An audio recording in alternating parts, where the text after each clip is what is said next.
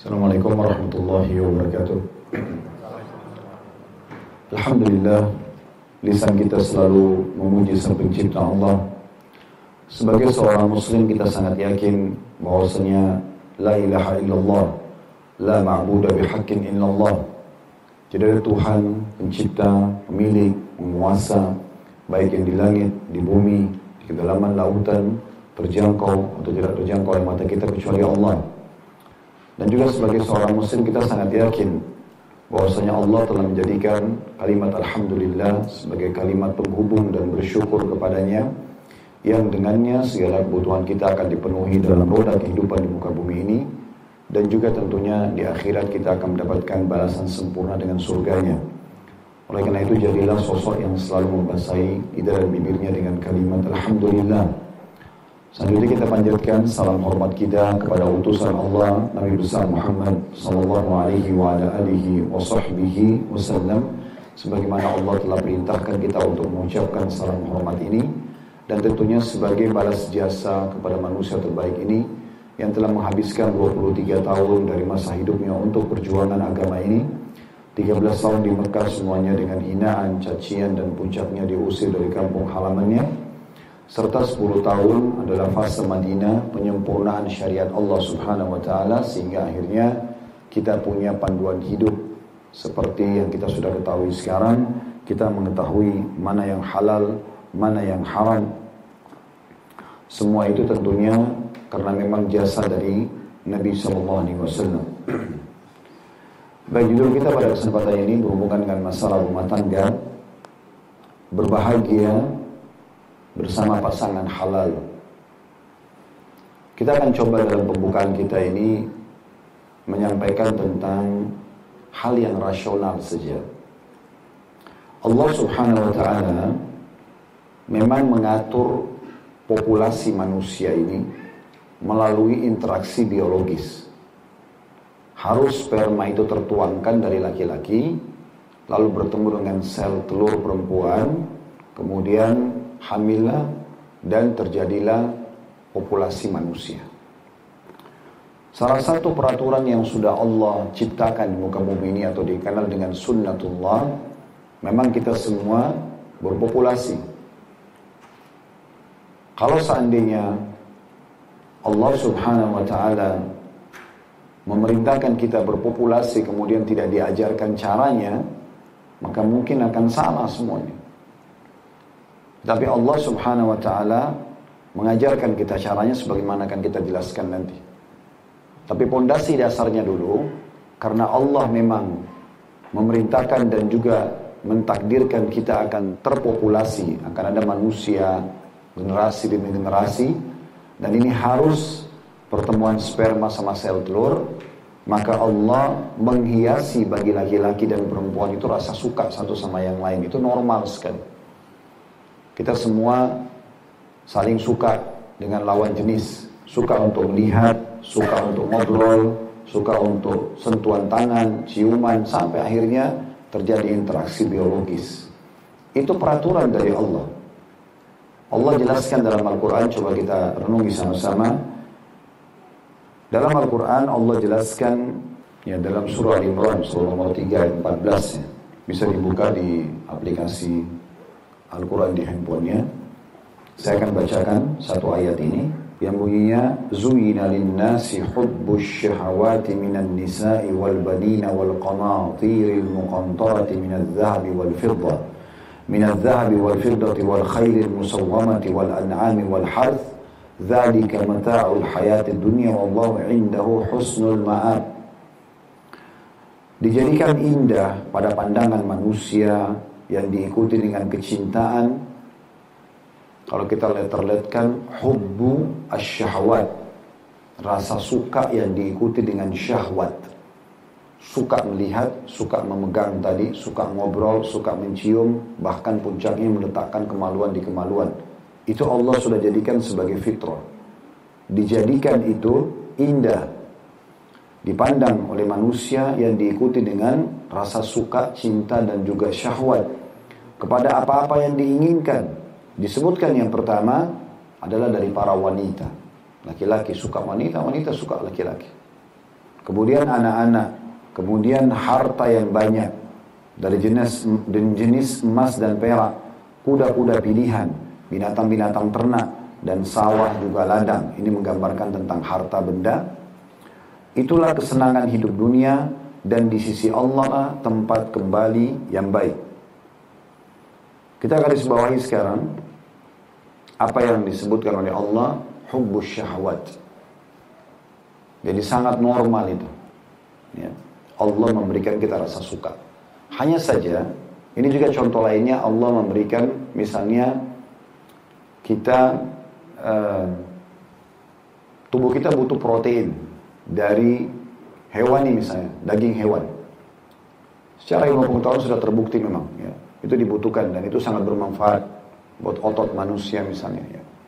Nah, itu umumnya terdapat pada daging hewan di antaranya. Tapi Allah subhanahu wa ta'ala memandu kita Mana daging yang boleh, mana daging yang tidak boleh. Dan umumnya yang boleh jauh lebih banyak.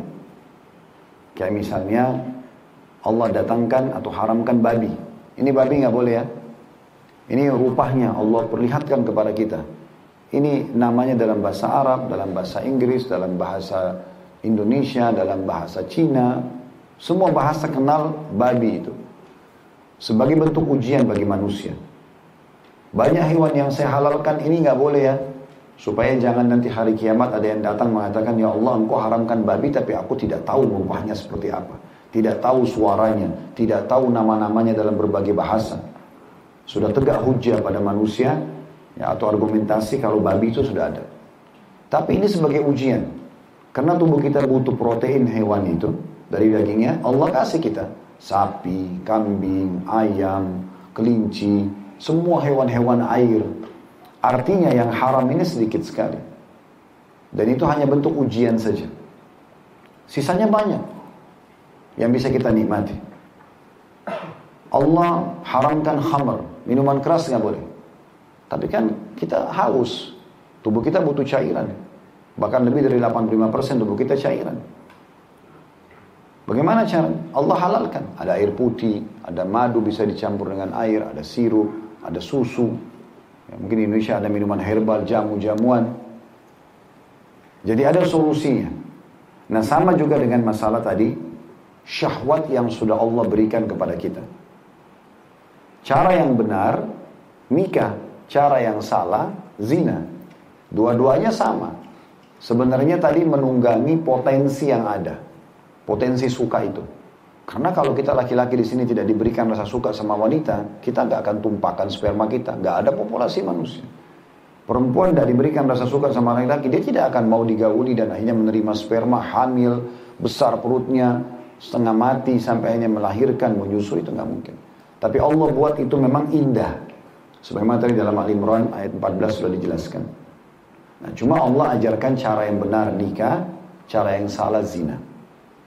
Berarti bukan tidak boleh kita lampiaskan, tapi dengan cara yang benar. Dan sering saya bahasakan di pengajian, antara nikah sama zina ini, selisihnya, waktunya, ya, yang membedakan dia halal sama haram itu hanya karena kalimat akad saja. Kalimat akad nikahnya. Dan itu kurang dari lima menit. Sekarang wali wanita mengatakan saya nikahkan kamu sama anak perempuan saya fulana binti fulana dengan mas kawin ini. Lalu si laki-laki mengatakan saya terima nikahnya dengan ya, mahar yang disebutkan atau saya terima nikahnya fulana binti fulana dengan mas kawin ini. Maka sudah sah. Yang penting ada dua saksi ada mahar situ ada walinya wanita. Syarat-syaratnya sederhana akad nikah selesai bandingkan ini dengan zina ya kalau nikah Selesai akad nikah, semua orang tahu mereka akan ada malam pertama, mereka akan ada interaksi biologis. Tapi luar biasanya, semua orang tahu pada saat mereka masuk kamar akan biologis. Mereka berdua senang, keluarganya senang, semua orang tidak ada yang gubris mereka. Karena ditahu sah suami istri. Dan luar biasanya, ketenangan jiwa ini akan berpengaruh pada bibit manusia itu. Spermanya dan sel telurnya. Kalau orang dalam kondisi tenang melakukan hubungan biologis tersebut, tentram jiwanya, akan berpengaruh pada kualitas nanti bibit manusia. Terbukti kalau mereka pun hamil nanti atau si wanita hamil, maaf, maka keduanya gembira, keluarganya gembira. Ya, anak yang lahir jelas statusnya. Jalan ke mana-mana berdua nggak masalah. Safar, masuk hotel, nggak ada yang dikhawatirkan. Karena sahnya saja itu. Karena sahnya saja. Terlebih lagi juga dalam Islam dimudahkan pernikahan. Kata Nabi SAW, Aktharuhunna baraka akaluhunna mahra. Wanita yang paling banyak berkahnya, yang paling sederhana maharnya. Artinya mudahkan pernikahan itu. Makin mudah makin bagus. Bagi yang belum mampu pun kata Nabi SAW, wa ankihul akfa aminkum. Nikah dengan orang yang sepadan dengan kalian. Level pendidikan kita cuma SD, nikah sama yang SD juga. Tamatan SD. Kita SMA sama SMA, kuliah sama kuliah, selevel. Orang yang gagal bisa nikah sama orang yang cantik, orang yang sedang sama orang yang sedang juga. Disuruh sepadan supaya memang tidak terjadi keributan dalam rumah tangga nanti. Bisa sesuku, bisa sama keluarga. Yang penting bukan mahram, yang penting bukan yang ya, jalur nasab secara langsung yang begitu lahir sudah jadi mahram. Itu orang tua kita ke atas sama semua saudara mereka. Ayah, ibu, kakek, nenek dan semua saudara kiri kanannya. Semua anak, eh, semua saudara kita ke samping, semua anak keturunan ke bawah kita dan keturunan saudara-saudara kita atau ponakan. Selain mereka kita boleh menikah. Sama sepupu misalnya, anak paman, anak tante. Orang tuanya mahram kita, tapi anaknya tidak. Maka boleh menikah dan dimudahkan dalam Islam.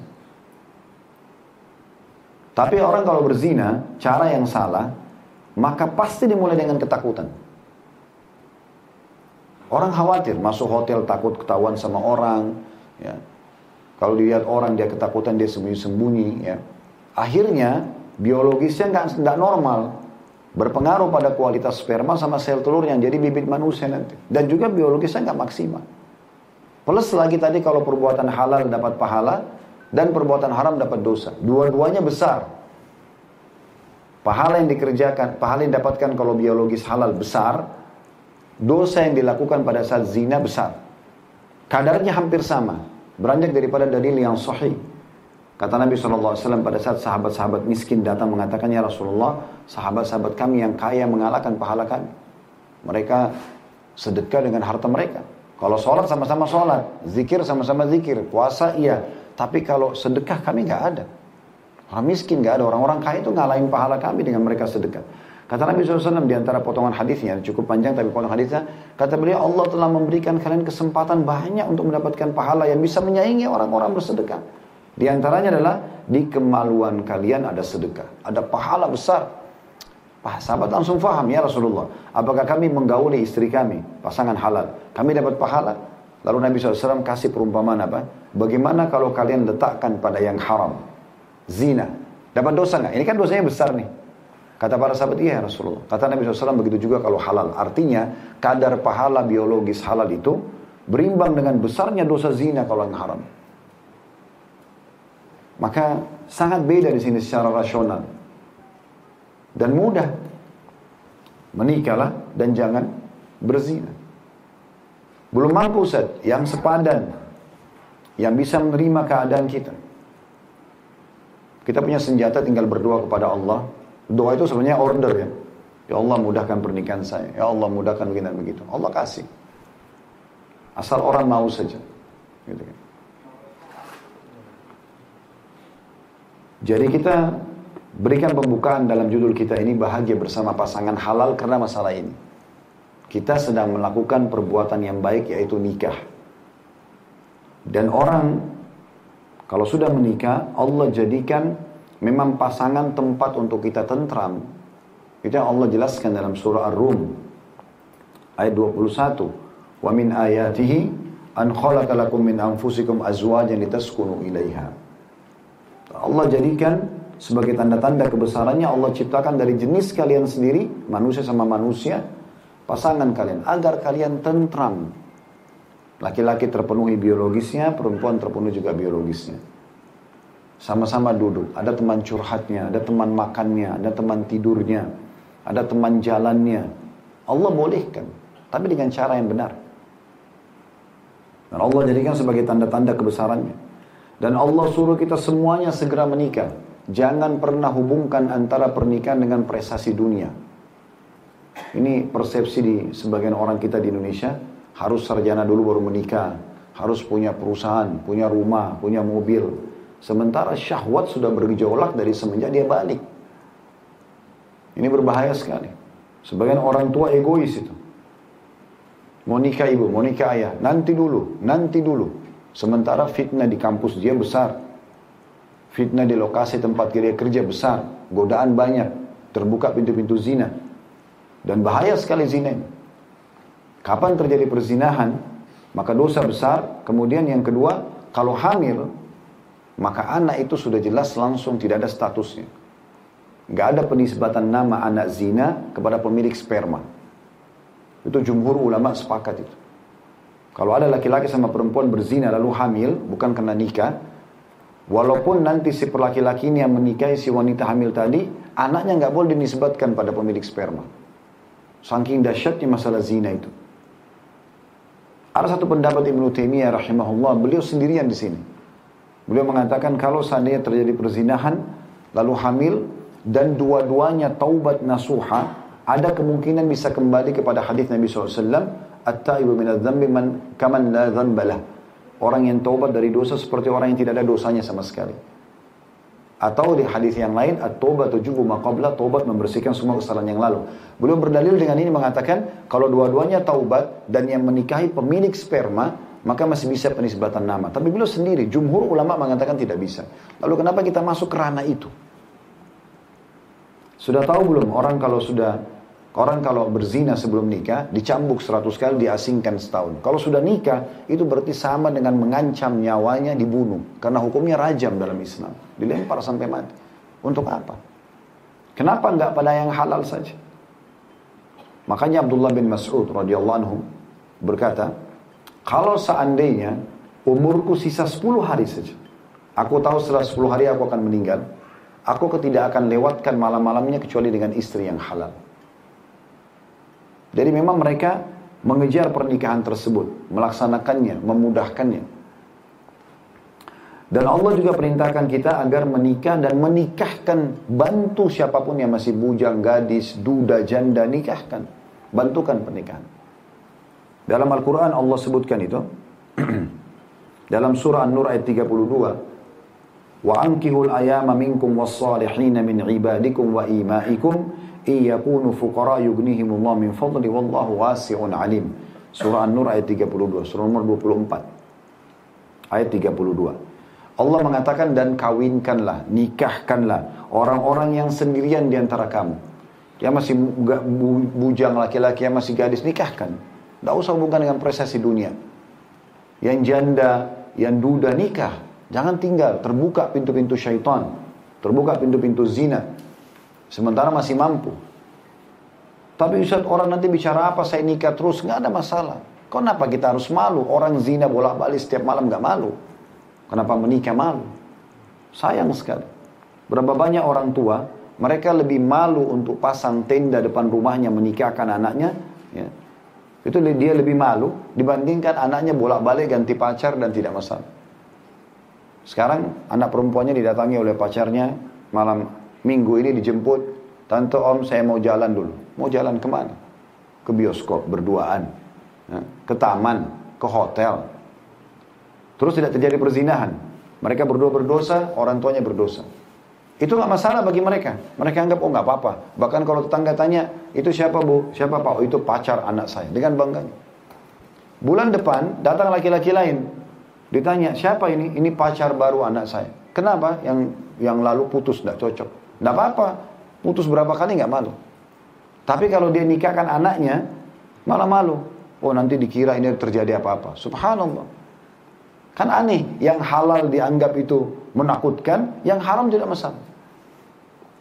Subhanallah ulama menitik beratkan, kalau ada orang yang tidak pernah menyentuh perzinahan ini, kemudian mereka menikah, orang-orang ini yang paling Allah berkahi dalam biologis mereka. Paling mudah dapat anak, paling nikmat dalam biologis karena memang dia tidak pernah sentuhkan kecuali pada yang halal. Pada hal. Walaupun nanti orang yang tadinya berbuat dosa sebelum nikah lalu kemudian dia taubat dia juga akan merasakan itu karena dapat pahala. Tapi akan beda dengan orang yang belum pernah. Dan ini penting untuk kita garis bawahi. Kalau kita pernah terjadi pada masuk terjun dalam bab itu jangan wariskan pada anak-anak. Ya. Banyak orang begitu ya. Gak apa-apa nak, ibu juga dulu hamil sebelum nikah. Gak apa-apa, pacaran aja ganti-ganti. Ayah juga dulu begitu, playboy gak apa-apa. Kan aneh. Sudah buruk dia dulu, jauh dari Allah, dia buat dosa, dia wariskan pada anaknya. Kenapa? Harusnya kita kalau dulu berzina, sekarang anak kita nikah. Kalau kita dulu belum bisa ngaji, kecuali 30-40 tahun, sekarang anak kita harus bisa hafal Quran di umur 10 tahun. Tutup kesalahan kita di situ. Jangan wariskan keburukan. Kan sayang sekali. Ya. Di sini Allah suruh nikahkan, mudahkan pernikahan itu. Bukan cuma bagi bujang dan gadis, janda dan duda pun sama. Selama dia khawatir dirinya fitnah, nikah. Kenapa tidak? Khadijah itu janda dua kali. Nabi SAW itu suami ketiganya. Tapi meninggal ya. Memang meninggal dua-duanya. Kemudian Nabi SAW menikah. Sudah lebih tua, Nabi lebih muda, janda dua kali, tapi Nabi SAW menikah. Apakah itu dianggap aib? Enggak. Kalau itu orang layak jadi pasangan, kenapa tidak? Jabir radhiyallahu anhu, muda bujang, nikah sama janda. Yang Nabi SAW tanya, waktu Jabir datang sudah berubah penampilan ditanya, apa kau sudah menikah? Karena dari penampilan kelihatannya kayak pengantin gitu. Kata Jabir, iya ya Rasulullah. Kata Nabi SAW, gadis satu janda. Dia bilang janda ya Rasulullah. Di situ keluar hadis Nabi apa? Kenapa bukan gadis kau bisa bercanda dengannya dan kau bercanda dengan dia? Di sini memang sebenarnya maksudnya kalau orang gadis mungkin belum punya pengalaman sama laki-laki sehingga tidak cenderung membanding-bandingkan. Tapi hadis ini ada lanjutannya. Nabi SAW sempat tanya Jabir, kenapa kau pilih janda? Dia bilang, ya Rasulullah, ayah saya Abdullah Abdullah bin Haram radhiyallahu anhu ini sahabat Nabi yang mulia, orang yang pertama mati syahid di perang Uhud. Dan satu-satunya orang mati syahid kata Nabi SAW yang diajak bicara sama Allah tanpa hijab cuma Abdullah bin Haram. Ayahnya Jabir radhiyallahu anhu. Nah waktu dia meninggal, anaknya cukup banyak. Jabir ini anak tertuanya. Maka dia bilang, ya Rasulullah, kalau saya nikah sama gadis, sebaya dengan adik-adik saya, tidak bisa ngurus nanti. Saya cekcok. Saya nikah sama janda punya pengalaman untuk urus anak-anak saya. Dan Nabi SAW dukung itu. Jadi sama siapa pun kita nikah yang penting tolak ukurnya adalah agama.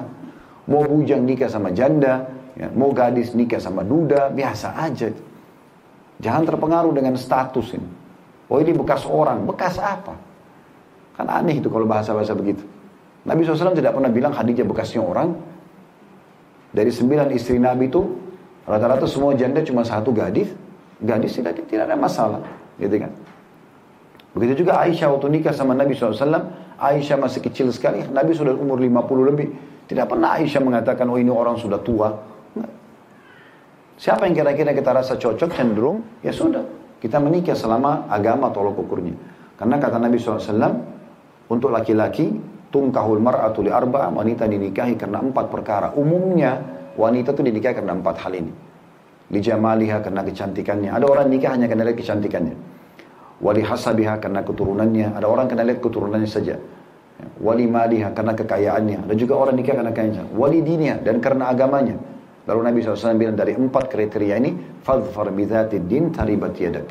Pilih yang beragama hidup akan tentram kalau bergabung ada wanita semua empat-empat ada padanya Masya Allah jalur keturunannya baik orangnya mampu orangnya cantik orangnya beragama bagus tapi kalau tidak agama yang didahulukan tolak ukur maka tidak akan pusing lagi dengan selingkuhan, tidak pusing lagi dengan tidak tutup aurat, dengan tidak sholat, udah nggak ada karena dia sudah tahu Tuhannya, itu tujuannya.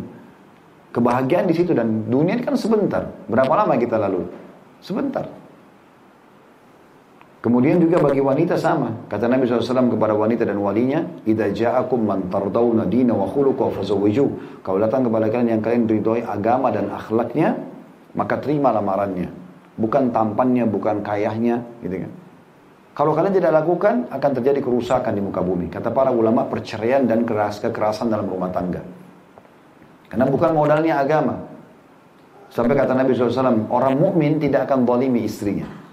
Laki-laki kalau dia cintai istrinya, dia cinta setulus hatinya. Karena Allah SWT.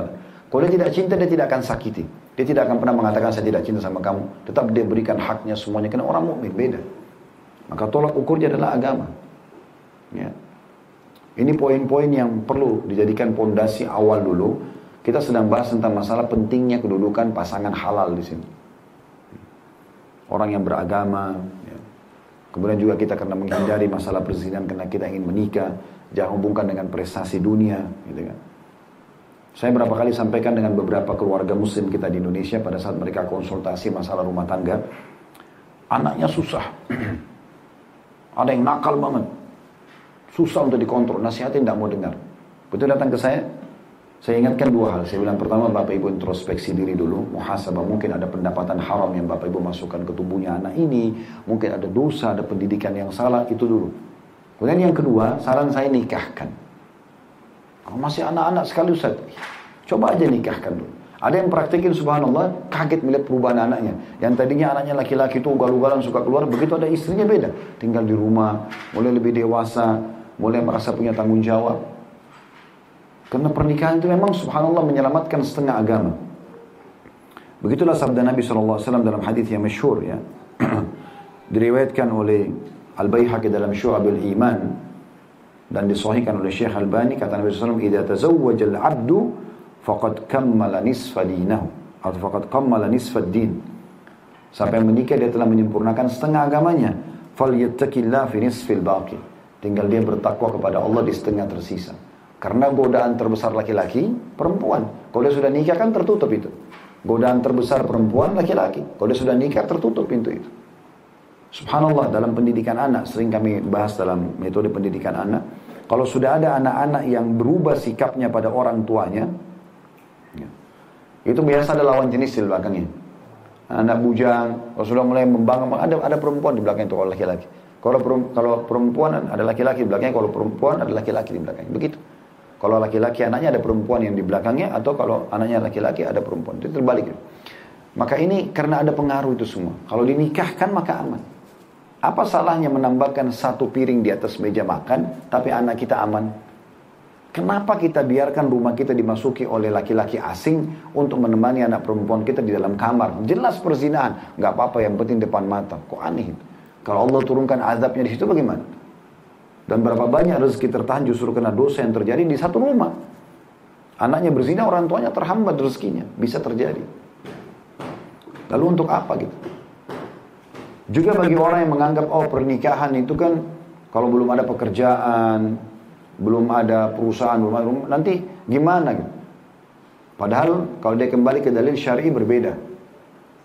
Nikah itu penyebab datangnya kekayaan, terbukanya rezeki. Itu sudah jelas sabda Nabi SAW. Ya.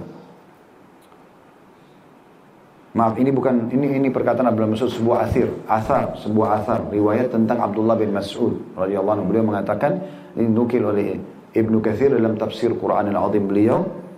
Ya. Itu pada saat menjelaskan surah An-Nur ayat 32 tadi, beliau menukil Ibnu Katsir menukil perkataan Abdullah bin Mas'ud, "Iltamisul ghina fin nikah." Carilah kekayaan itu justru di pernikahan.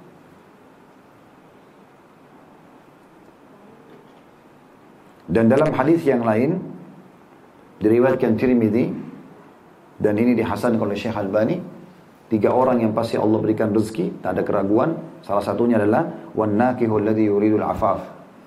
Orang yang menikah karena karena ingin menjaga kehormatan dirinya supaya tidak terjerumus dalam perbuatan yang haram. Nah itu dulu. Dan memang ini adalah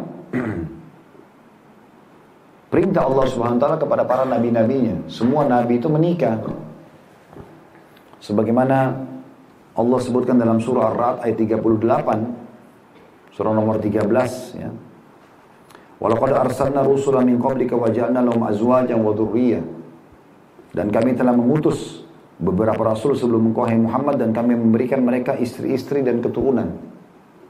Kita tahu juga cerita tentang Nabi Ibrahim AS punya dua orang istri Sarah dan Hajar. Dari Sarah lahir Ishak, dari Hajar eh, lahir Ismail, lalu keturunan Nabi lahir dari mereka. Tidak asing itu. Semua nabi-nabi itu disebutkan tentang pasangan-pasangan mereka termasuk Nabi Muhammad SAW yang dikenal dengan istilah Ummahatil Mu'minin, ibunya orang-orang beriman yang harus kita suri toladankan hidupnya, contohi dan segala macam. Dan kata Nabi SAW, Arba'un min sunanil mursalin. Ada empat perkara termasuk sunnah para nabi-nabi. Al-haya'u, sifat malu. Kemudian wat ta'attur. Ya. Ini memakai wangi-wangian. Kalau laki-laki bebas di luar rumah, dalam rumah. Kalau perempuan tentu di dalam rumah atau bersama dengan pasangan halalnya. Ya. Di luar tidak dianjurkan. Kemudian wasi, jadi laki-laki perempuan itu intinya dalam Islam harus selalu bersih. Ya. Kemudian wasiwak, yang ketiga menggunakan siwak atau bersikat gigi lah kalau kita sekarang ya. Dan ini tidak bisa dianggap remeh ya. Orang sudah dekat dengan agama harus makin lebih bersih dan rapi. Kata Nabi SAW, aku diperintahkan bersiwak sampai aku mengira gigiku akan ompong. Saking seringnya disuruh bersiwak. Setiap mau wudhu bersiwak, setiap mau sholat bersiwak, mau masuk rumah beliau selalu bersiwak, ketemu dengan istrinya gitu kan. Itu terlalu sunnah. Kemudian nikah yang keempat ini saksi bahasan kita. Ya. Ini termasuk anjuran yang luar biasa. Gitu. Baik kita akan masuk teman-teman sekalian lebih dalam lagi. Pada saat kita mau menikah atau memiliki pasangan halal ini, tentu tahapan pertama adalah ikuti prosedur syariat. Prosedur syariat itu maksudnya apa? Jangan buka mulai dengan dosa, karena nikah adalah ibadah. Jangan mulai dengan dosa. Pacaran boleh nggak? Boleh setelah nikah. Pacaran sampai hamil punya 70 anak nggak apa-apa. Jangan sebelum nikah, karena nggak boleh. Sperma subhanallah dari laki-laki yang sama dituangkan setelah akad nikah jadi anak halal, dituangkan sebelum nikah jadi anak haram. Ini jadi masalah padahal sperma sama orang yang sama. Jadi harus hati-hati sekali. Nikah dan mudahkan pernikahan. Mulai sekarang dari kita ini generasi ke bawah, kita sekarang yang mulai memulai itu. Anak-anak kita kita mudahkan nanti menikah kalau depan. Jangan hubungkan dengan persen. Tidak ada hubungannya dengan sarjana. Tidak ada hubungannya. Ya. Ada orang yang Masya Allah mungkin dia bisa tahan syahwatnya sampai dia selesai sarjana. Mungkin. Ada orang yang nggak bisa. Saya berapa kali temukan pertanyaan langsung dari beberapa jemaah pengajian kita. Ustaz, saya udah ikut pengajian, saya udah faham kalau ini pergaulan bebas gak boleh segala macam. Tapi godaan di kampus ini besar banget, di mana-mana besar. Saya bicara sama orang tua saya mau nikah, mereka bilang, ah kamu masih anak kecil. Kamu mau beri makan apa istrimu? Padahal subhanallah romantis itu justrunya makan apa yang suaminya bisa kan. Kalau beli satu bungkus nasi uduk ya makan aja berdua. Kan begitu harusnya. Karena kan kewajiban memberikan nafkah, di antara nanti kita jelaskan itu dalam hak dan kewajiban, adalah memberikan hari itu dan sesuai dengan kemampuan dia. Nabi SAW pernah makan berdua sama Aisyah, gitu kan? Nabi SAW pernah meminum air bekas Aisyah. Jadi tidak harus makanan yang mewah. Kecuali kalau Allah mudah ada rezeki bisa kita tambah. Tapi kan tidak harus itu. Saya kadang-kadang bercanda sama beberapa ikhwah di kantor yang belum menikah. Kenapa belum menikah? Oh iya Ustaz lagi nyari begini begini. Mau nyari sampai kapan? Kriteria apa yang anda mau ini? Ya. Kadang-kadang terlalu idealis sekali. Tinggi, putih, cantik, kaya, pintar. Ini kalau tidak ada bagaimana? Terus tidak nikah-nikah? Kan nggak mungkin. Kalau ada, Alhamdulillah. Kalau tidak ada. Gitu kan. Dan kita harus pahami teman-teman sekalian, kita ini semua sama, cuma beda casing. Saya sama laki-laki sini sama, judul kita laki-laki kan. Beda casingnya, beda paras wajah, beda kulit, beda tinggi badan, postur. Tapi judulnya laki-laki, sama. Maaf bahasa saya, sama kemaluannya, selesai. Sama pemilik sperma juga. Kan gitu, sama karakter dasarnya sama. Nanti kita akan sebutkan beberapa karakter laki-laki misalnya. Cuma beda casing gitu. Perempuan juga sama. Beda di casing saja, tapi judulnya sama perempuan. Nik, jadi nikah sama Alhamdulillah. Tidak jadi cari yang lain selesai. Sama judulnya. Laki-laki sama laki-laki sama perempuan sama perempuan sama. Kenapa dipersulit? Saya kalau tidak nikah sama fulana saya mati nanti. Saya gila nanti. Ini orang bodoh nih. Kenapa? Cuma beda casing. Saya kalau tidak nikah sama si fulan, maka saya nanti jadi gila. Jadi gila benar. Kenapa? Biasa aja gitu. Perlu saya berbagi juga satu hal ya, ini prinsip hidup. Jangan selalu kurung teman-teman sekalian diri kita di bingkai kehidupan yang kita buat sendiri. Contoh, saya kalau tidak minum kopi pagi hari kepala saya pusing. Nanti pusing benar kalau nggak ada kopi. Ini dia sendiri yang buat. Coba ada kopi, ada susu, ada air putih, ada teh, minum saja, mudahin saja. Saya kalau tidak tidur di rumah saya, tidak bisa tidur. Ya susah. Kalau itikaf di masjid nggak bisa dong kalau gitu. Ya kan? Kalau lagi safar sama teman atau tidak bisa. Kalau lagi jihad berperang tanpa nggak bisa. Ada pernah jemaah umroh sama saya bawa bantal. Kenapa bawa bantal? Saya nggak bisa tidur saat kalau nggak pakai bantal ini. La haula wala Kalau bantalnya rusak, hilang, apalah, kan kena pakai bantal apa saja. Kenapa dipersulit, mudahin gitu. Biasa aja gitu. Ini seperti itulah. Nah itu kayak tadi. Saya kalau tidak nikah sama orang ini, saya tidak bisa jalani kehidupan. Kenapa? Ini prinsip orang-orang non-muslim yang tidak punya keimanan. Kita nggak begitu. Kita nggak begitu. Tidak bisa sama ini ditolak, sudah nikah sama yang lain, masih ada. Ya kan?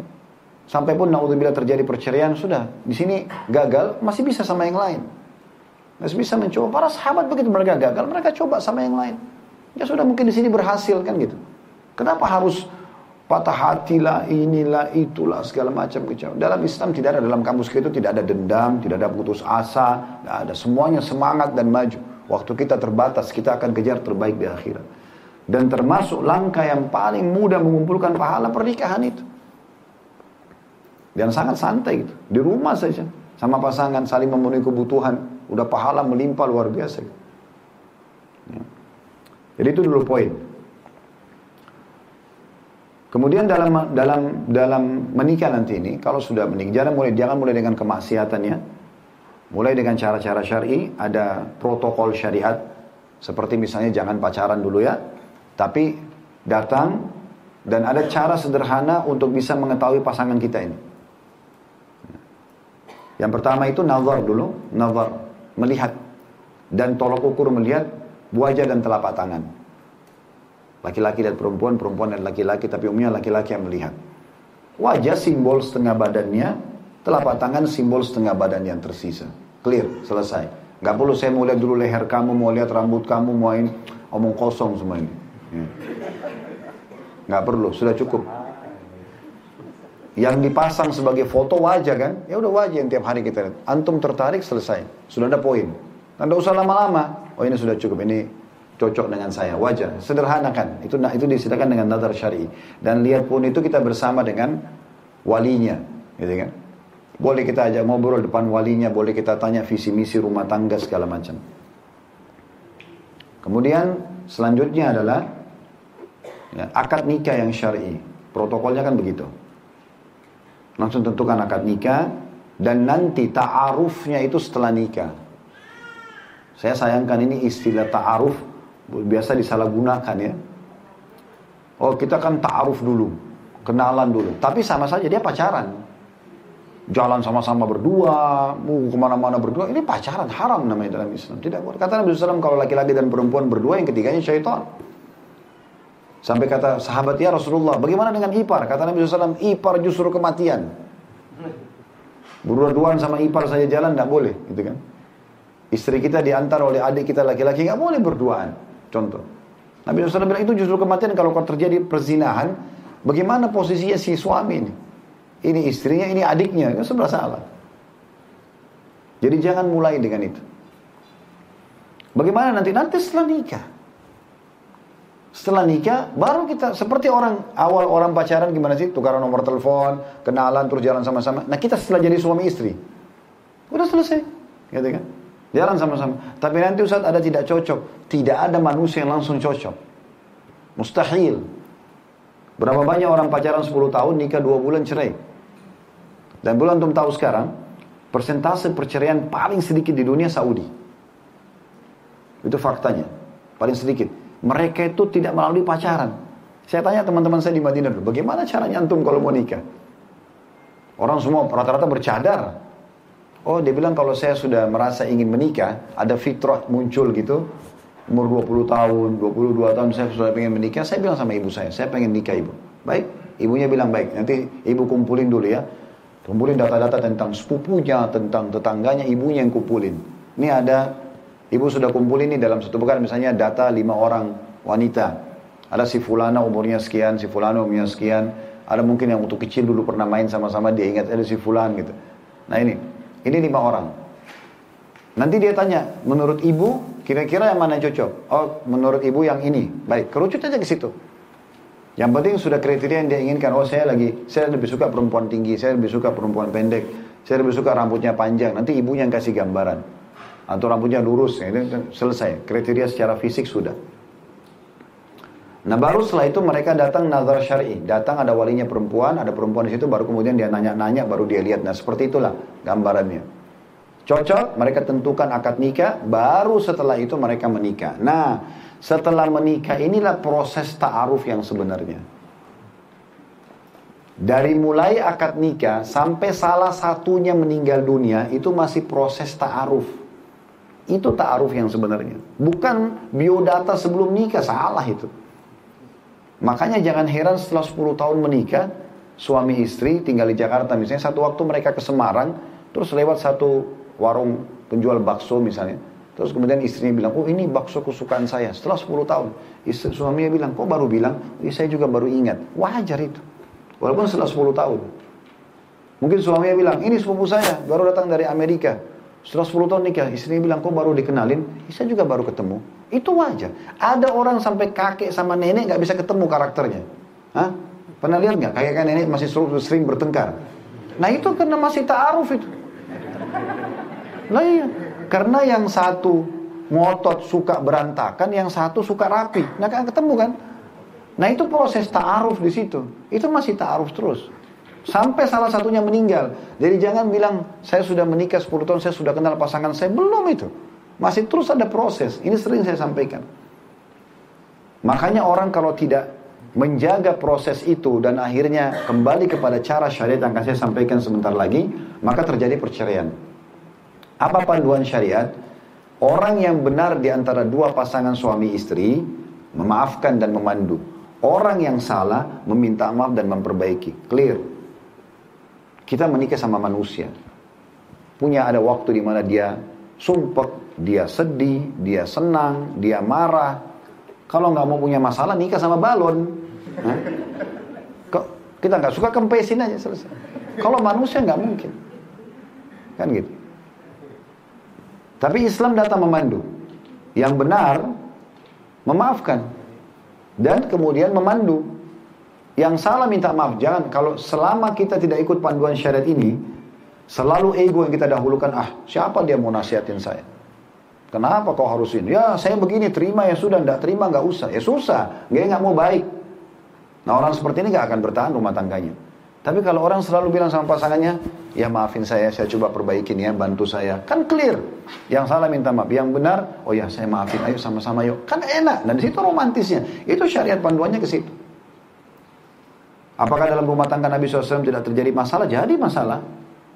Aisyah pernah buat masalah cemburu dengan Khadijah, cemburu dengan waktu Khadijah sudah meninggal radhiyallahu anhu ajmain, radhiyallahu anhu ajmain, tapi cepat dicemburuin, cemburu sama Sofia, tapi Nabi SAW meluruskan dan Aisyah menerima. Untuk jadi pelajaran buat kita gitu. Kan gitu. Jadi ini termasuk ya, ikuti panduan syariat itu sendiri. Dan ingat ta'aruf dan pacaran justru terjadi setelah menikah itu. Nah, ini protokolnya. Gitu kan.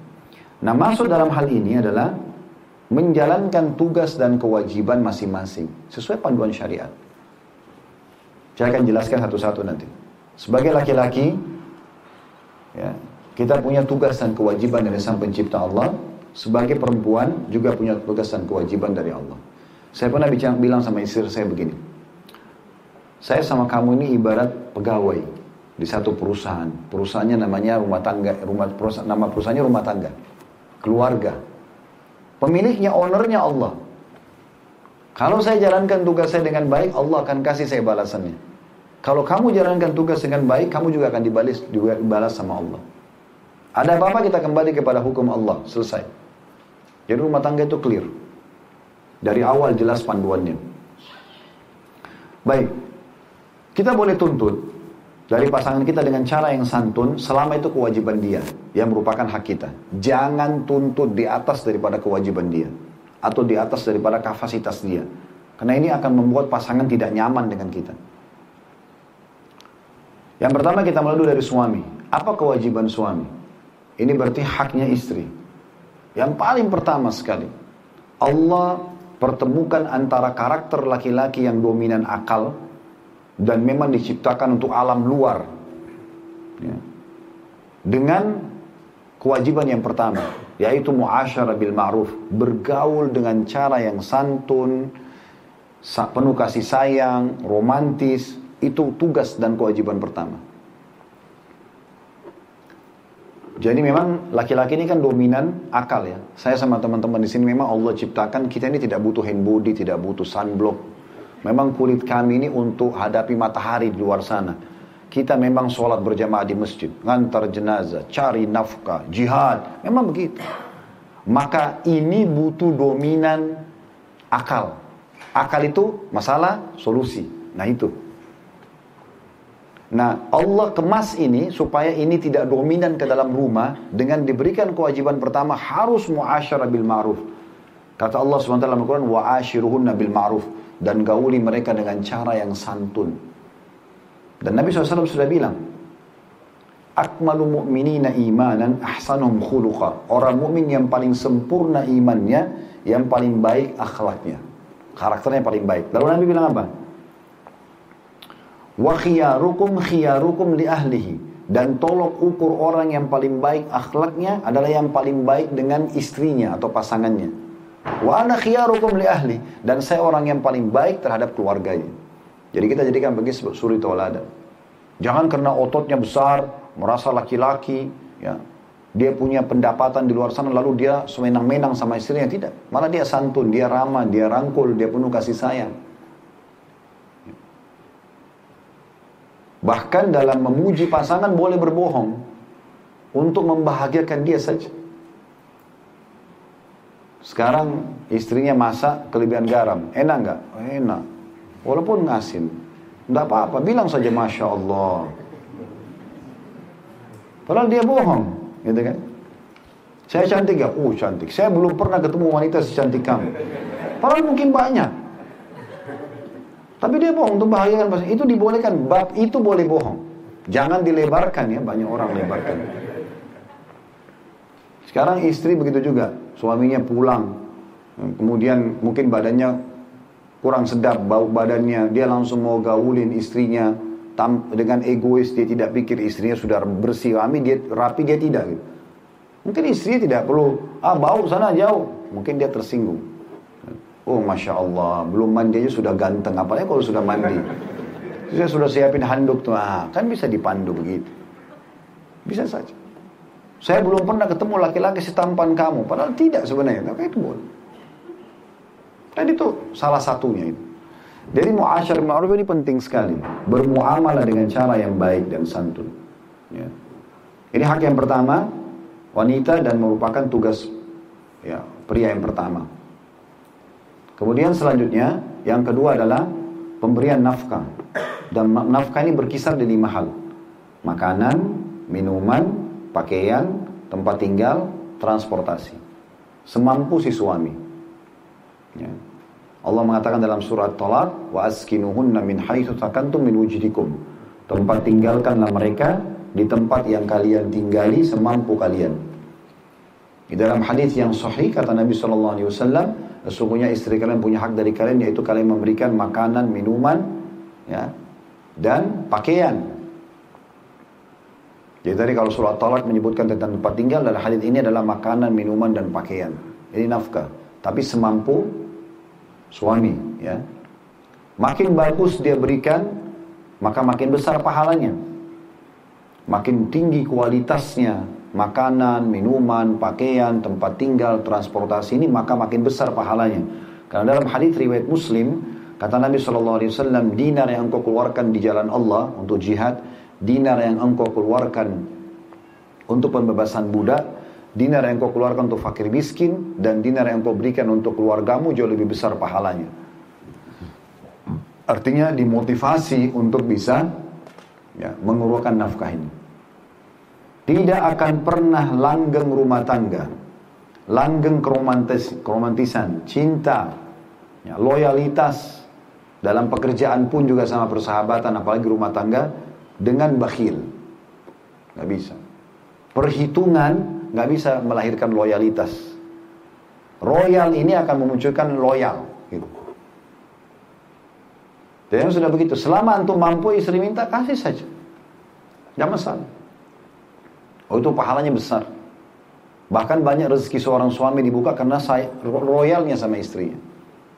Kan begitu. Tapi juga pada tempatnya, bukan berarti perkataan saya lalu akhwat tunggang itu. Tadi ustadz ceramah tuh kasih royal sama saya, kasih aja semua. Bukan.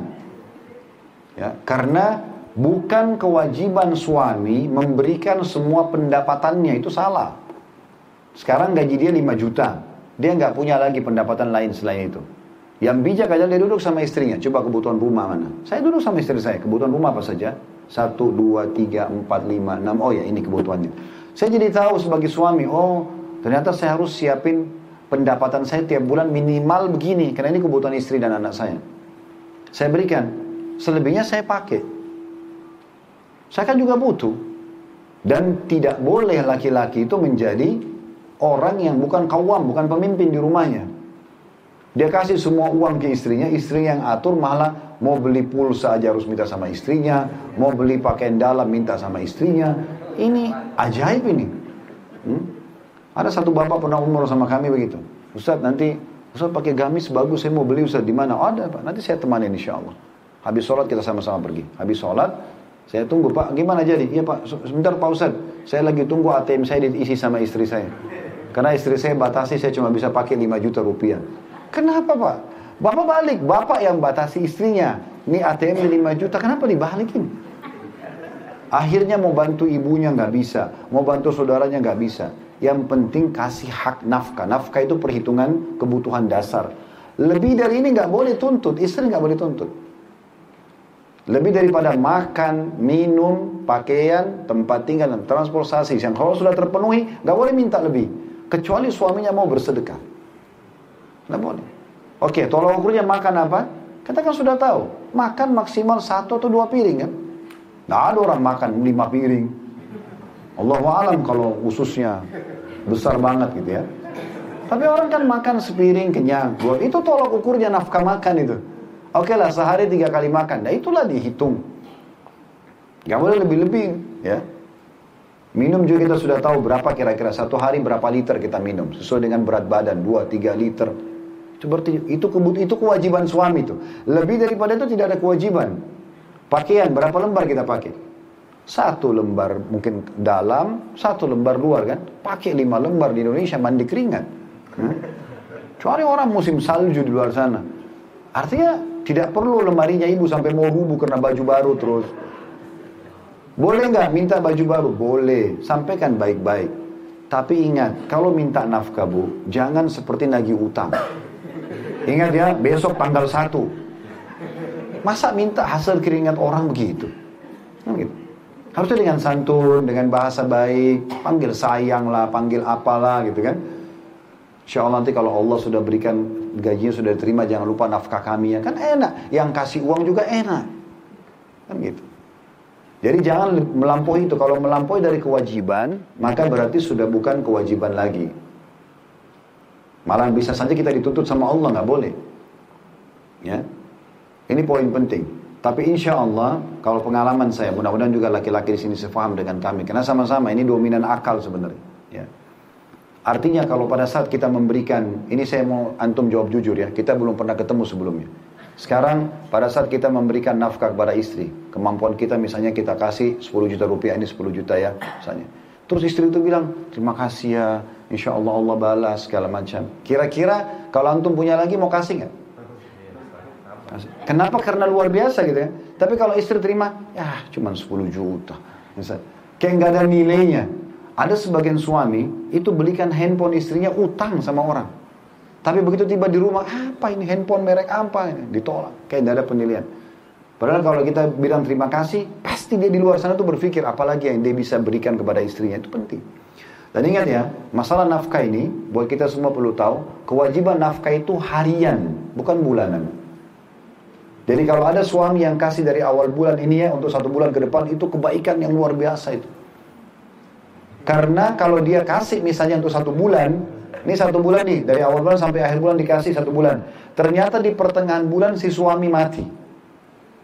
Kan dia tidak punya kewajiban. Sekarang kita kasih nafkah, sekarang saya kasih nafkah. Kewajiban saya hari ini kan saya masih hidup. Kalau saya meninggal besok, nggak ada kewajiban saya kasih nafkah.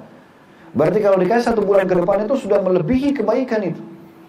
Makanya kata Nabi SAW, Allah tidak melihat kepada seorang istri yang tidak tahu berterima kasih pada suaminya, padahal dia butuh. Nggak bisa.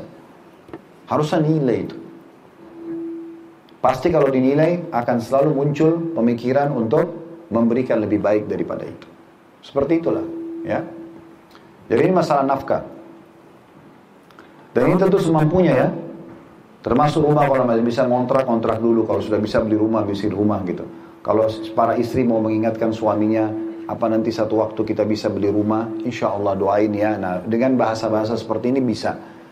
Kayaknya saya tidak mau lanjut rumah tangga lagi sama kamu kalau nggak ada rumah pribadi. Wah ini berdosa ini nggak boleh.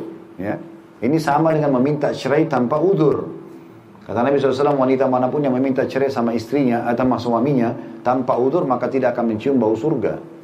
Kan gitu. Nggak boleh. Ingat kita hanya bertugas sebagai suami atau sebagai istri sampai ajal datang. Sebentar sekali itu. Kenapa harus ribut? Kenapa harus bertengkar? Kenapa harus penuh tuntutan? Kenapa bukan malah saling rangkul? Itu kalau suami istri teman-teman mau kembali kepada kaidah syariah adalah bagaimana suami dan istri saling mencari pahala dari pasangannya. Bagaimana istri membahagiakan istrinya, bagaimana eh, suami makan istri, bagaimana istri membahagiakan suaminya. Saling mencari pahala satu sama yang lain. Di situ puncaknya kebahagiaan itu. Walaupun tinggal di rumah biasa, makanannya pas-pasan, tapi karena sama-sama merasa mau membahagiakan pasangan, maka akan enak aja. Ada satu sahabat saya dulu, doktor beliau di Universitas Imam di Riyadh, Dulu pernah investasi di Indonesia, ikut sama kami sama-sama lah. Dakwah, investasi, bisnis, ngobrol. Satu waktu dia cerita sama saya, dia bilang, saya Khalid mau nikah sama orang Indonesia. Oh iya, Masya Allah. Memang dia sudah punya istri di Saudi, tapi dia bilang sama saya mau nikah di Indonesia. Oh iya, Insya Allah. Nanti coba kita tanyain gitu. Terus saya tanya dia, kenapa mau nikah sama orang Indonesia? Dia bilang, Allah perlihatkan saya pemandangan saya belum pernah lihat sebelumnya. Apa itu?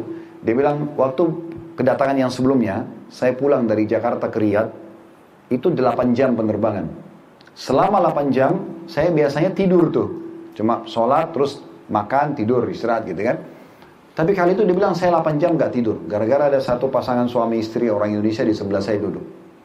Itu sepanjang jalan ibu itu gak pernah istirahat, istrinya itu. Selalu duduk pijitin suaminya. Terus suaminya mau apa, Kata kata teman saya ini sampai seperti dia sudah paham suaminya mau apa. Suaminya baru belum ngomong, dia sudah berdiri minta sama pramugari air. Dia udah ini, suaminya mau ke kamar mandi ditemani, dibukain pintunya. Duduk, ditemani. Jadi tidak tidur ibu itu 8 jam.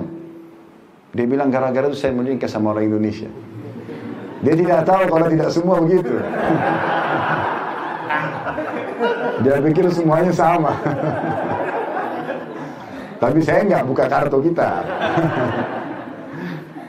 Cuma dia ngomong begitu. Jadi memang subhanallah indah sekali tuh orang kalau suami cari pahala dari istrinya, apalagi yang bisa membahagiakan, apalagi yang bisa menghibur, tutur kata kah, hadiah kah, hiburan kah, sampai biologis pun bisa maksimal gitu kan. Maka itu sangat indah. Begitu juga dengan istri. Bagaimana dia sambut suaminya, bagaimana semua hidupnya hanya untuk suaminya, dan seterusnya itu sangat luar biasa. Ini yang kedua, masalah nafkah. Yang ketiga, perlindungan. Nah perlindungan ini hukumnya wajib. Ya, Pelindungan ini hukumnya wajib dalam arti kata dari hal-hal yang bisa membahayakan istri. Apa pun sifatnya ya. Dan kalau seandainya ada seorang laki-laki yang meninggal, terbunuh misalnya, karena membela kehormatan istrinya, maka mati syahid. Kayak misalnya lagi jalan nih sama istri, ada orang penjahat mau datang perkosa istrinya. Lalu dia lawan, dia sampai terbunuh, dia mati syahid. Karena dia membela keluarganya. Begitu juga orang yang membela hartanya, dia mau dirampas, mau dirampok, lalu dia melawan, dia terbunuh, itu mati syahid. Itu saking mulianya menjaga wanita. Jadi letakkan istri kita di tempat yang paling nyaman, di tempat yang paling aman, yang dia tentram gitu kan. Kenapa tadi nafkah itu masuk dalamnya makanan minuman? Biarkan istri kita di rumah itu buka kulkas semua makanan ada, dia pengen apa ada, dia di rumah nyaman tinggal di sebuah tempat yang aman, ya makin aman makin bagus, makin di sebuah komplek yang aman, ada security, makan aman makin bagus. Gitu. Nah itu termasuk masalah kamu dan tidak boleh seseorang itu membuat istrinya merasa tidak nyaman. Itu tidak boleh. Karena memang itu hal yang mendasar sekali. Ya. Sampai kata Nabi Shallallahu Alaihi Wasallam, janganlah seseorang di antara kalian sengaja memata-matai keluarganya agar mengetahui dia selingkuh atau tidak. Itu nggak ada tugas kita. Tidak usah ambil tugasnya malaikat. Ya. Perlu. Ada malaikat yang awasin dia, tidak usah kita mengambil alih itu. Ada Tuhannya Allah subhanahu wa ta'ala. Nampak depan mata dia melanggar, kita ingatkan. Nampak pelanggaran kita lihatkan. Tidak, tidak usah dikorek-korek. Kan begitu sederhananya. Nah itu poin perlu digarisbawahi. Nah ada poin penting yang saya perlu ingatkan. Kalau misalnya di rumah lagi bocor. Di bawah bocoran atap itu ada listrik yang mungkin berbahaya. Lalu sang istri bilang begini. E, ini tolong diperbaikin karena kalau enggak ini listriknya berbahaya. Satu waktu saya lewat nanti konslet atau apa saya bisa kesetrum. Suami bilang, iya iya nanti nanti gampang. Dia dia tidak hiraukan. Satu waktu istrinya kesetrum betul. Istri, suaminya berdosa. Dia membengkalikan kewajiban dia. Jadi harus peka sebagai suami apa yang disampaikan oleh keluhan istrinya, dia usahakan menghilangkan kekhawatiran itu. Nah, itu kewajiban dia. Buat dia setentram mungkin di rumahnya. Antum lagi ada atau tidak ada, dia selalu merasa nyaman di situ. Yang keempat pendidikan. Nah pendidikan ini yang dimaksudkan adalah pendidikan agama. Nah banyak di antara eh, suami-suami tidak mau istrinya ikut pengajian. Ini unik ini. Padahal ini saya kembali menyentuh karakter dasar. Kalau laki-laki tadi saya bilang dominan akal, ini masalah solusinya apa? Kalau perempuan itu dominan perasaan. Ya, contohnya begini membedakan. Kalau kita laki-laki itu misalnya lagi naik mobil, setir mobil, bannya pecah, bocor bannya. Laki-laki itu dominan akal. Langsung, oh pecah, solusinya, bengkel, selesai. Perempuan tuh perasaan enggak gitu. Dia turun dulu, dia lihat, dia merenung lama. Kenapa bocor? Hmm. Nanti, nanti, sekian lama baru pikir bengkel. Perasaan begitu. Contoh yang lain. Suami istri janjian pergi ke satu restoran mau makan. Ayo kita makan yuk, ayo pergi makan. Makan siang, makan malam. Pasti di sana restorannya tutup. Laki-laki dominan akal. Oh tutup, ya kita cari restoran lain yuk. Sederhana kan? Perempuan sebentar saya turun dulu tanya kenapa dia tutup. Ya. Mungkin anu, mungkin ini. Itu perasaan. Kita gampang, antum ke satu toko pakaian laki-laki, mau beli satu baju nggak dapat, udah habis mas. Oh ya sudah, ada model lain nggak selesai. Perempuan nggak ditanya tuh, kenapa habis, siapa pembeli terakhirnya, apa ada diskon atau tidak, ah gitu. Benar nggak ini? Nah, nah begitu. Nah makanya cara bermuamalahnya itu penting. Saya ingin berbagi dulu supaya tidak ini untuk menutup pintu-pintu syaitan dalam rumah tangga. Kalau misalnya ada seorang wanita, tadi kita bicara masalah perlindungan dan pendidikan ya. Kalau misalnya ada seorang wanita ada bermasalah di rumahnya, lalu dia telepon suaminya, suaminya dari tempat kerja. Ini ada begini, begini, begini. Kalau masalah sedang dihadapkan kepada laki-laki, dominan akalnya akan muncul. Makanya dia pikir sekarang solusi. Istri kita lagi bicara, ini di rumah listrik padam, ini air lagi begini, ini lagi begini. Pikiran kita tuh lagi jalan. Solusinya apa nih? Kadang-kadang karena segera mau dapat solusi, kita lupa bilang sayang misalnya. Oh ya, oke nanti saya urus sekarang, Assalamualaikum, tutup langsung. Perempuan itu dia nggak pikirkan lagi air yang padam tadi sama istri. Oh ini udah nggak sayang sama saya. Begitu perasaan. Ini jadi masalah, padahal sebenarnya suaminya bukan itu maksudnya. Ya. Jadi harus difahami masalah karakter ini. Bagaimana yang dominan akal bisa mengimbangi perasaan, bagaimana yang perasaan mengimbangi akal. Pokoknya setiap kali ibu cerita sama suami, ada masalah ini, maka pasti pikirannya sedang memikirkan solusinya. Begitu aja. Cara menghadapi wanita karena dominan perasaan, antum kalau saya janjian sama beliau misalnya, ayo kita janjian yuk jam 3 siang. Saya telat nih, saya tiba setengah 4. Oh tadi sorry telat macet, ayo kita jalan sekarang yuk. Dia secara akal langsung berpikir, oh ya sudah kan telat, macet. Langsung berdiri. Perempuan nggak bisa. Janjian jam 3 telat, setengah 4. Antum harus dulu-dulu pegang tangannya, minta maaf, sentuh dulu perasaannya, nah baru bisa. Kan begitu, jadi harus mengimbangi masalah itu. Baik dari pendidikan agama, kenapa saya sentuh tadi masalah karakter perasaan ini? Perasaan itu peka sekali. Bahkan dia bisa kadang-kadang mendominasi ya apa yang ada dalam diri seseorang. Kalau kita laki-laki ini, sudah belajar tentang sholatul, uh, sholat malam, qiyamul lail misalnya. Tapi satu waktu kita datang safar letih sekali, capek. Akal kita kadang-kadang masih bermain. Oh capek, besok aja deh. Kalau perempuan tersentuh secara keimanan tentang sholat malam, biar capek dia sholat. Makanya salah kalau gak diikutin pengajian, justru itu kebaikan buat suaminya. Dia makin dekat dengan Tuhannya, dia makin peka perasaannya, makin bagus. Kalau tidak terarahkan nanti ke macam-macam. Nonton film India dia sedih, sedih juga nanti sama suami. Ini jadi masalah. Nonton film Korea begitu, oh romantis begitu, dia juga mau suaminya begitu. Padahal beda suaminya ini, sana laki-laki itu beda. Itu direkayasa, ini asli. Nggak mungkin sama. Jadi harus hati-hati. Baik, dalam pendidikan agama ini pendidik nomor satu. Makanya Allah SWT mengatakan dalam surat Tahrim, surah nomor 66 ayat 6. Alladzina amanu ku anfusakum wa ahlikum nara. Hai orang beriman selamatkan diri kalian dan keluarga kalian dari api neraka. Bagaimana caranya dengan belajar agama? Berikan kesempatan belajar agama, ajarkan supaya dia tahu tentang hukum haid, hukum nifas, ya. Ada hal-hal yang berhubungan dengan masalah banyak hal lah yang berhubungan dengan masalah kewajiban-kewajiban rumah tangga. Kemudian kita pindah ke perempuan. Ini kewajiban wanita berarti haknya suami. Yang pertama taat. Selama bukan maksiat. Taat dan mencari ridhonya ini ya. Ini kewajiban pertama. Apa saja yang suami bilang selama bukan haram, iya. Iya semuanya. Ayo temani saya keluar, iya. Ayo kita ke rumah ibu, iya. Iya semua. Bahkan dia dahulukan suaminya daripada dirinya sendiri. Selama bukan haram. Kalau suami suruh pada yang haram, kembali kepada hadis Nabi SAW, La ta'ata li makhlukin fi maksiyati khalik. Tidak boleh ada ketaatan pada makhluk dalam hal yang berbau maksiat kepada sang pencipta.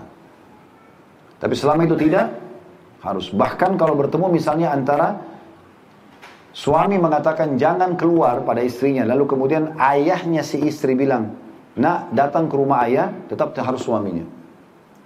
Tidak boleh dia dengar ayahnya lagi pada saat bentrok dengan instruksi suaminya, selama bukan maksiat. Apa sebabnya? Kenapa pada saat sudah menikah, wanita itu didominasi oleh suaminya? Kenapa bukan dominasi oleh ayahnya? Beda kalau laki-laki ya. Dia sudah nikah atau tidak nikah, tetap ibu ayahnya nomor satu. Kalau perempuan tidak, setelah nikah, suaminya baru kemudian ibu ayahnya nomor dua. Karena suami ini orang asing, laki-laki yang memang bukan, tadi kan saya bilang, dia bukan mahram. Sebelum nikah ya, orang asing. Kita semua ini bukan apa-apa, bukan siapa-siapa bagi istri kita awalnya, gitu kan. Tapi setelah menikah, dari hari pertama kita harus memberikan dia makanan, memberikan dia minuman, memberikan dia pakaian, memberikan tempat tinggal. Ini kan luar biasa gitu. Kalau mau pakai akal manusia, siapa orang ini kok habis saya kasih makan dan minum? Tapi agama memerintahkan itu. Oleh karena itu dianggap kalau ayah memberikan pada anaknya itu kena nasabnya dia. Tapi kalau suami berikan ke istri ini luar biasa. Dia bisa memberikan. Begitu juga kalau kita balik. Bagaimana kenapa istri disuruh tadi bersopan santun, ramah, apa namanya berikan kenyamanan. Kenapa? Karena memang wanita ini orang asing, bukan bukan ibu kita, bukan saudari kita, bukan ponakan, memang orang lain. Tiba-tiba datang melayani kita. Ya. Masak, makanan, minuman, biologis, bersihin rumah, kalau punya anak, urus anak. Memang harus saling menghormati, ini luar biasa. Ini poinnya. Baik, jadi yang pertama itu adalah ketaatan dulu, ya, selama bukan maksiat. Dan kita harus mendahulukan suami dari semua orang di muka bumi ini. Dan saya sering bilang juga sama istri saya sebagai nasihat saja. Hikmah Allah subhanahu wa ta'ala itu luar biasa bagi wanita. Tidak ada poliandri dalam Islam. Kan tidak boleh laki perempuan punya dua suami. Karena kalau dua suami, itu poliandri istilahnya. Kalau dua-dua tuangin, tuangin sperma, hamil siapa ayahnya? Gak jelas. Beda kalau poligami, beda sperma laki-laki ke istri satu, istri dua, hamil tetap jelas siapa ayahnya.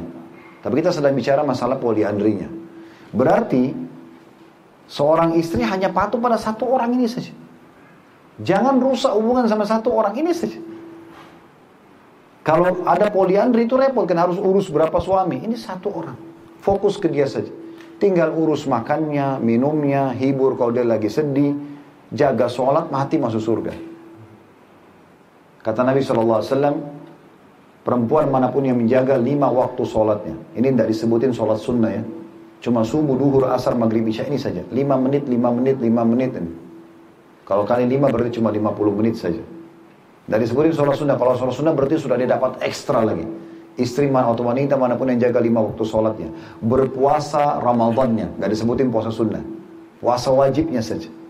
Dan mentaati suaminya, melayani suaminya dengan baik, kecuali pada saat meninggal dia bisa pilih dari delapan pintu surga yang mana dia mau. Mudahnya azan sholat, lima menit selesai. Ada Ramadan datang tinggal puasa, suami ada tinggal sama suami terus sampai dia tidur, bangun tidur, sampai dia pergi kerja, mati masuk surga coba. Ada pernah pengalaman saya ada satu tamu datang, ada satu orang ketemu sama istri saya Istri saya tadinya nih dengar apa yang saya instruksikan gitu di rumah karena saya sudah sepakat apa yang saya tahu teori agama saya terapkan sama beliau. Satu waktu dia tiba-tiba tanya ke saya, kak, kak mau tanya gajinya si fulan berapa? Pegawai saya di kantor. Oh gajinya sekian. Kalau si fulan sekian. Mulai tiga orang ditanya sama dia ini ada banyak pegawai nih masya Allah, seratus lebih pegawai. Sekarang kalau ditanya, saya jawab semua ini berapa banyak saya harus jelaskan gajinya. Terus setelah tiga orang saya tanya, kenapa kamu tanya gaji pegawai? Oh dia bilang ada satu ibu cerita sama saya. Katanya kita harus tahu semua tentang suami. Oke. Okay. Mau pilih poin itu? Kalau mau pilih tidak apa-apa. Tapi jangan setengah-setengah ya. Saya sampaikan semuanya. Utang berapa, masalah sama siapa, semua saya jangan. Tapi jangan salahin saya nanti kepala kamu sakit nih. Hmm. Sekarang sudah enak-enak nih. Ini ranjang, kemudian kami tidak ranjang, ini ranjang. Kalau ngantuk tinggal tidur. Itu kamar mandi, sabun, sampo, semua ada. Tinggal mandi, buang air besar, buang air kecil. Mau makan, dapur ada. Kulkas semua penuh macam-macam. Tiba waktu sholat azan, ada suami lain mati masuk surga, ngapain repot-repot? Kan begitu. Jadi sederhanakan, kerucutkan pada hal-hal yang diwajibkan saja. Jangan rumitkan. Nah ini termasuk. Ya. Ketaatan yang pertama. yang kedua, ini tadi ada yang luput dari saya di kewajiban suami tadi baru empat. Yang kelima itu ada kebutuhan biologis istri ya. Nah ini kewajiban istri yang kedua biologis suaminya. Nah cuma memang ada perbedaan. Kalau wanita itu bisa lebih sabar. Pernah ada satu wanita di zaman Umar bin Khattab radhiyallahu anhu, suaminya pergi jihad, sudah satu tahun pergi jihad. Rupanya wanita ini baru nikah, pengantin baru. Dia tidak bisa kontrol syahwatnya, dia bilang dengan syair. Kurang lebih artinya dia mengatakan, kalau bukan karena kehormatan hubunganku sama Tuhanku dan menjaga kehormatan nama baik suamiku, maka keempat kaki ranjang ini akan bergerak. Maksudnya akan berzina. Karena nggak ada suami mana nih, saya butuh biologis, seakan-akan begitu. Umar bin Khattab lewat depan rumah wanita lalu mengatakan, apa yang kau ucapkan wahai hamba Allah? Bahasa Arabnya amatullah, kalau laki-laki kan Abdullah, perempuan amatullah. Apa yang kau ucapkan wahai amatullah? Dia mengatakan, wahai Amir Mu'minin, Anda mengutus suami saya berperang. Sami pengantin baru. Dan sekarang sudah satu tahun lebih nggak pulang. Saya tidak tahu juga kabarnya hidup atau meninggal. Enggak. Zaman dulu tidak ada telepon, nggak ada orang bisa tahu kabar gitu. Maka Umar bin Khattab langsung pulang ke rumah, ketemu sama Hafsah radhiyallahu anha, istri Nabi SAW dan anak beliau. Hai Hafsah, berapa lama wanita bisa bersabar? Kata Hafsah, tiga sampai empat bulan. Maka Umar bin Khattab keluarkan pada saat itu semua mujahid yang sudah beristri empat bulan harus pulang. Karena wanita masih bisa bersabar tapi empat bulan ya. Dan wanita itu umumnya itu nanti kalau digoda, dirangsang, maaf, baru dia bisa terjadi hubungan biologis. Ya. Kalau laki-laki beda. Mau tidak digoda pun bisa terangsang dia. Gitu. Oleh karena itu ini juga poin yang perlu diperhatikan dalam masalah. Nah biologis ini, kalau laki-laki, kalau perempuan tadi ada rayuan ada segala macam mungkin ada pemicu dia baru itu dan cukup panjang waktunya kalau laki-laki justru tidak oleh karena itu jangan heran bagi seorang istri kalau suaminya memang sangat sayang sama dia biasanya sering kali terjadi interaksi biologis itu jadi tidak usah bahasakan kamu gak bosan-bosan kamu kenapa begini itu tidak perlu kita sedang menjalankan perintah Nabi SAW karena ini kan hubungan biologis bagian daripada syariat tadi sudah kita jelaskan hadisnya di kemaluan itu ada sedekah yang besar Makanya syaitan tidak mau membuat itu terjadi. Syaitan itu bisa membuat interaksi biologis hilang dua hari, satu minggu, satu bulan hanya karena masalah sepele. Hanya karena tersinggung sedikit, akhirnya tidak jadi interaksi biologis. Ngambek gara-gara ini dan itu. Ya. Itu untungnya ibu-ibu harus bersyukur Allah tidak kasih kalimat tolak di tangan ibu. Ya. Karena dominan perasaan. Kalau dominan perasaan ini dikasih kalimat tolak, satu hari bisa sepuluh kali ceraikan suaminya. Lupa beli bunga diceraikan, lupa belanja ini diceraikan, tersinggung sedikit ceraikan. Laki-laki kan dominan akal, dia nggak mungkin ucapin cerai kecuali sudah benar-benar tertekan terus. Nah baru dia ucapin.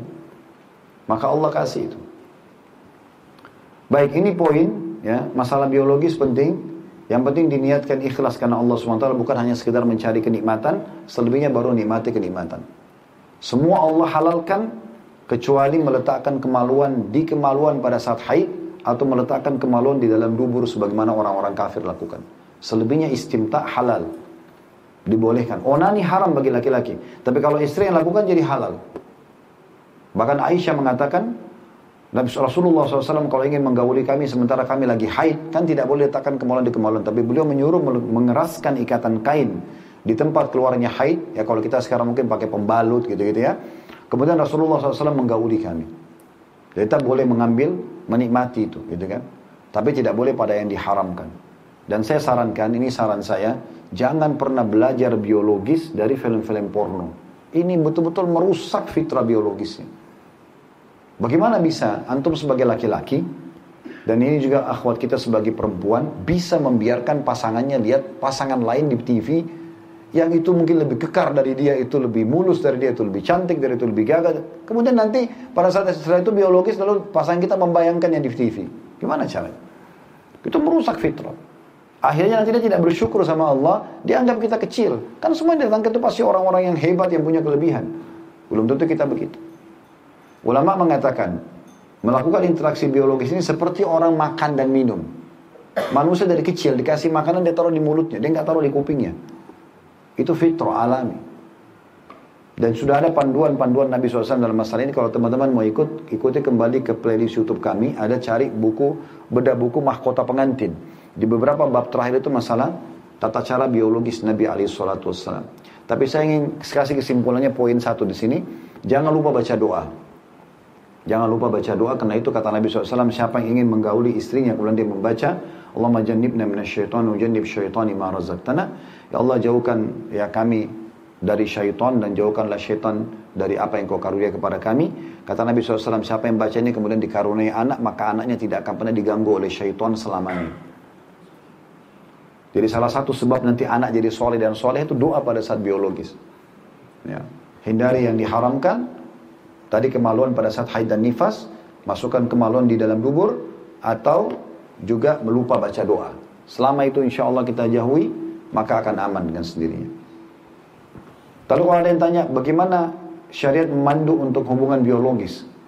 Kalau bahasa kami adalah makin sering, maka makin sesuai dengan sunnah.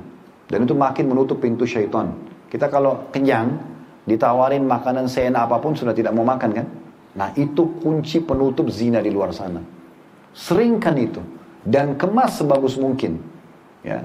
Bau badan, bau mulut, penampilan pakaian yang bagus, segala macam ini selalu kita hidupkan. Ya. Bahkan ada hadis Nabi SAW yang luar biasa itu. Sangat sensitif, tapi saya sampaikan kata Nabi SAW. Kalau kalian sedang berada di antara keempat kaki, uh, keempat tangan pasangan kalian, maksudnya istri, maka beristihadlah. Seriusi dalam masalah itu. Karena betul-betul kita disuruh nikmati supaya tertutup pintu-pintu syaitan di luar sana. Nah makanya syaitan sering kali begitu gara-gara pertengkaran kecil, ngambek, dua hari nggak biologis. Ini sudah membuka pintu syaitan tuh. Pikiran sudah ke mana-mana. Kalau kurang imannya sudah ke tempat-tempat pelacur misalnya. Ini bahaya. Juga saya tambahkan poin, yang dijual oleh perempuan pelacur itu apa? Coba akhwat pikirkan. Ya, rayuannya, penampilannya yang seksi, badannya yang wangi. Itu saja. Kenapa para istri tidak begini? Kenapa pakai daster yang sudah 10 tahun tidak diganti-ganti? Ya, ada di antara kerabat kami cerai gara-gara suami saya tanya, "Kenapa antum cerai?" 15 tahun, 17 tahun menikah. Saya suka rambut panjang, istri saya setiap saya ingatkan tidak mau, selalu potong. Kalau dia terfitnah dengan rambut panjang, dia kerja di luar. Dia hanya minta dari sini, tidak mau istri. Loh kenapa gak mau? Setelah cerai baru menyesal. Eh, sudah saya begini gerah, Loh, kan suaminya suka. Ini demi untuk cari ridho Allah. Kenapa? Kenapa dibuat masalah ini? Kenapa nggak tampil seperti yang dia inginkan?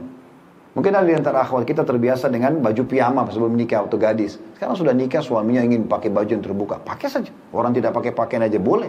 Gitu kan. Loh ya ini kan kadang-kadang mengganggu itu ya. Sama juga dengan menjaga bau badan, bau kemaluan. Maaf, ini semua. Kata Nabi SAW apa?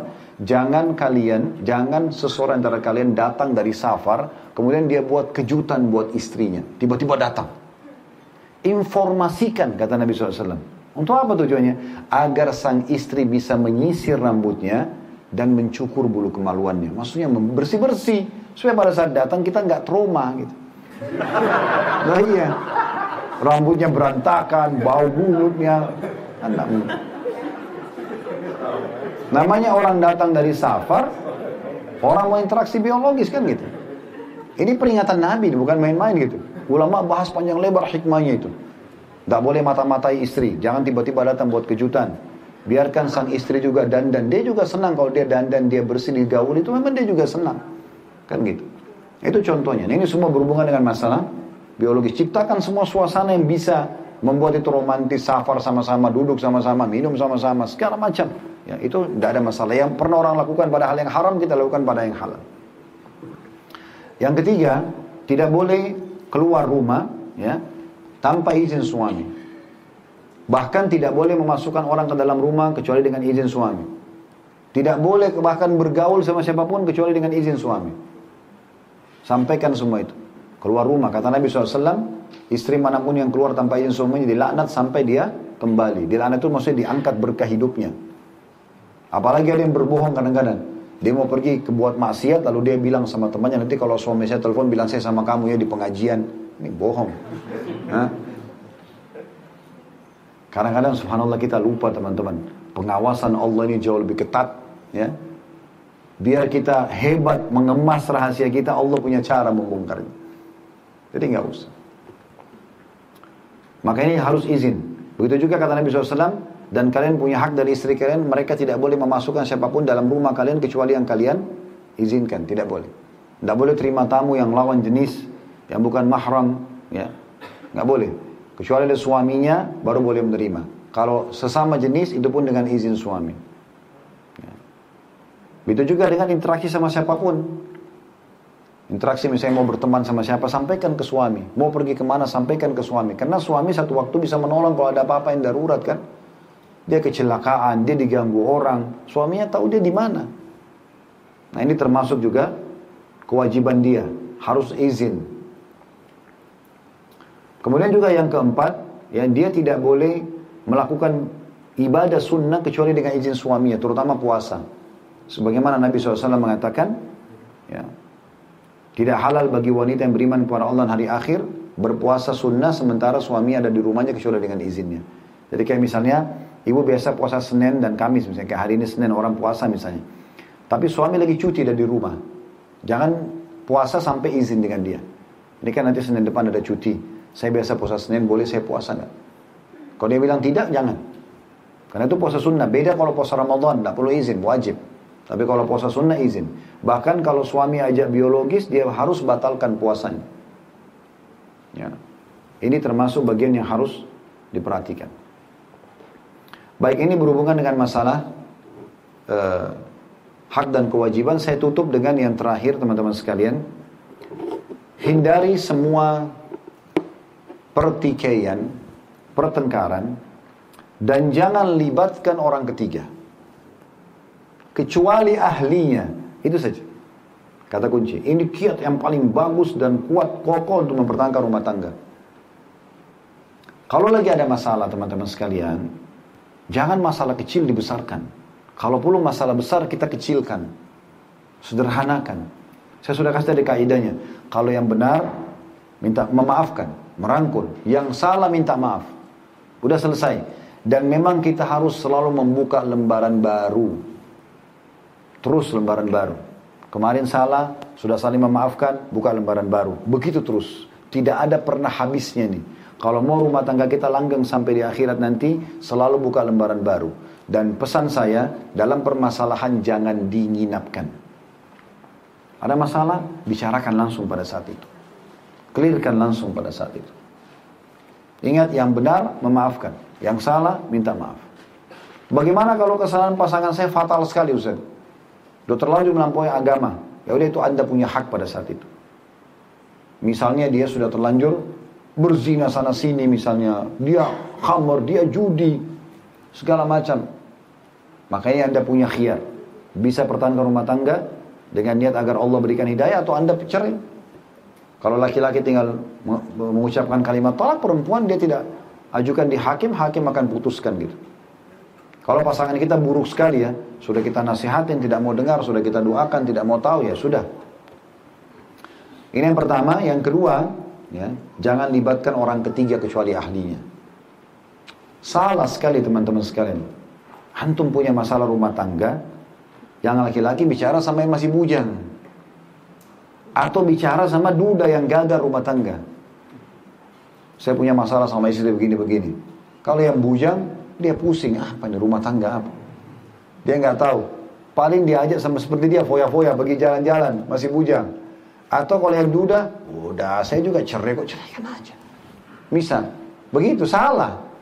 Konsultasi sama orang yang berhasil rumah tangga. Udah 10 tahun, 20 tahun.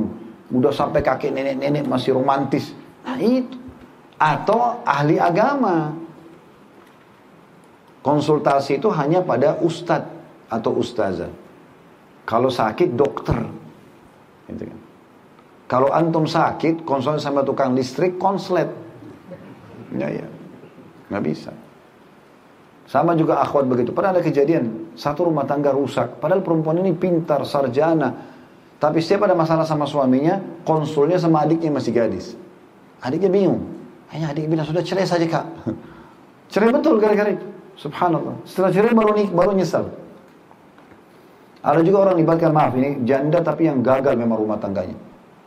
Malah ke mana-mana, selingkuh sana sini, malah mabuk melarang narkotika itu diajak ngomong. Ya sudah jadi rusak juga dia. Curhat itu kita tidak pakai dalam istilah agama kita kecuali kepada Allah.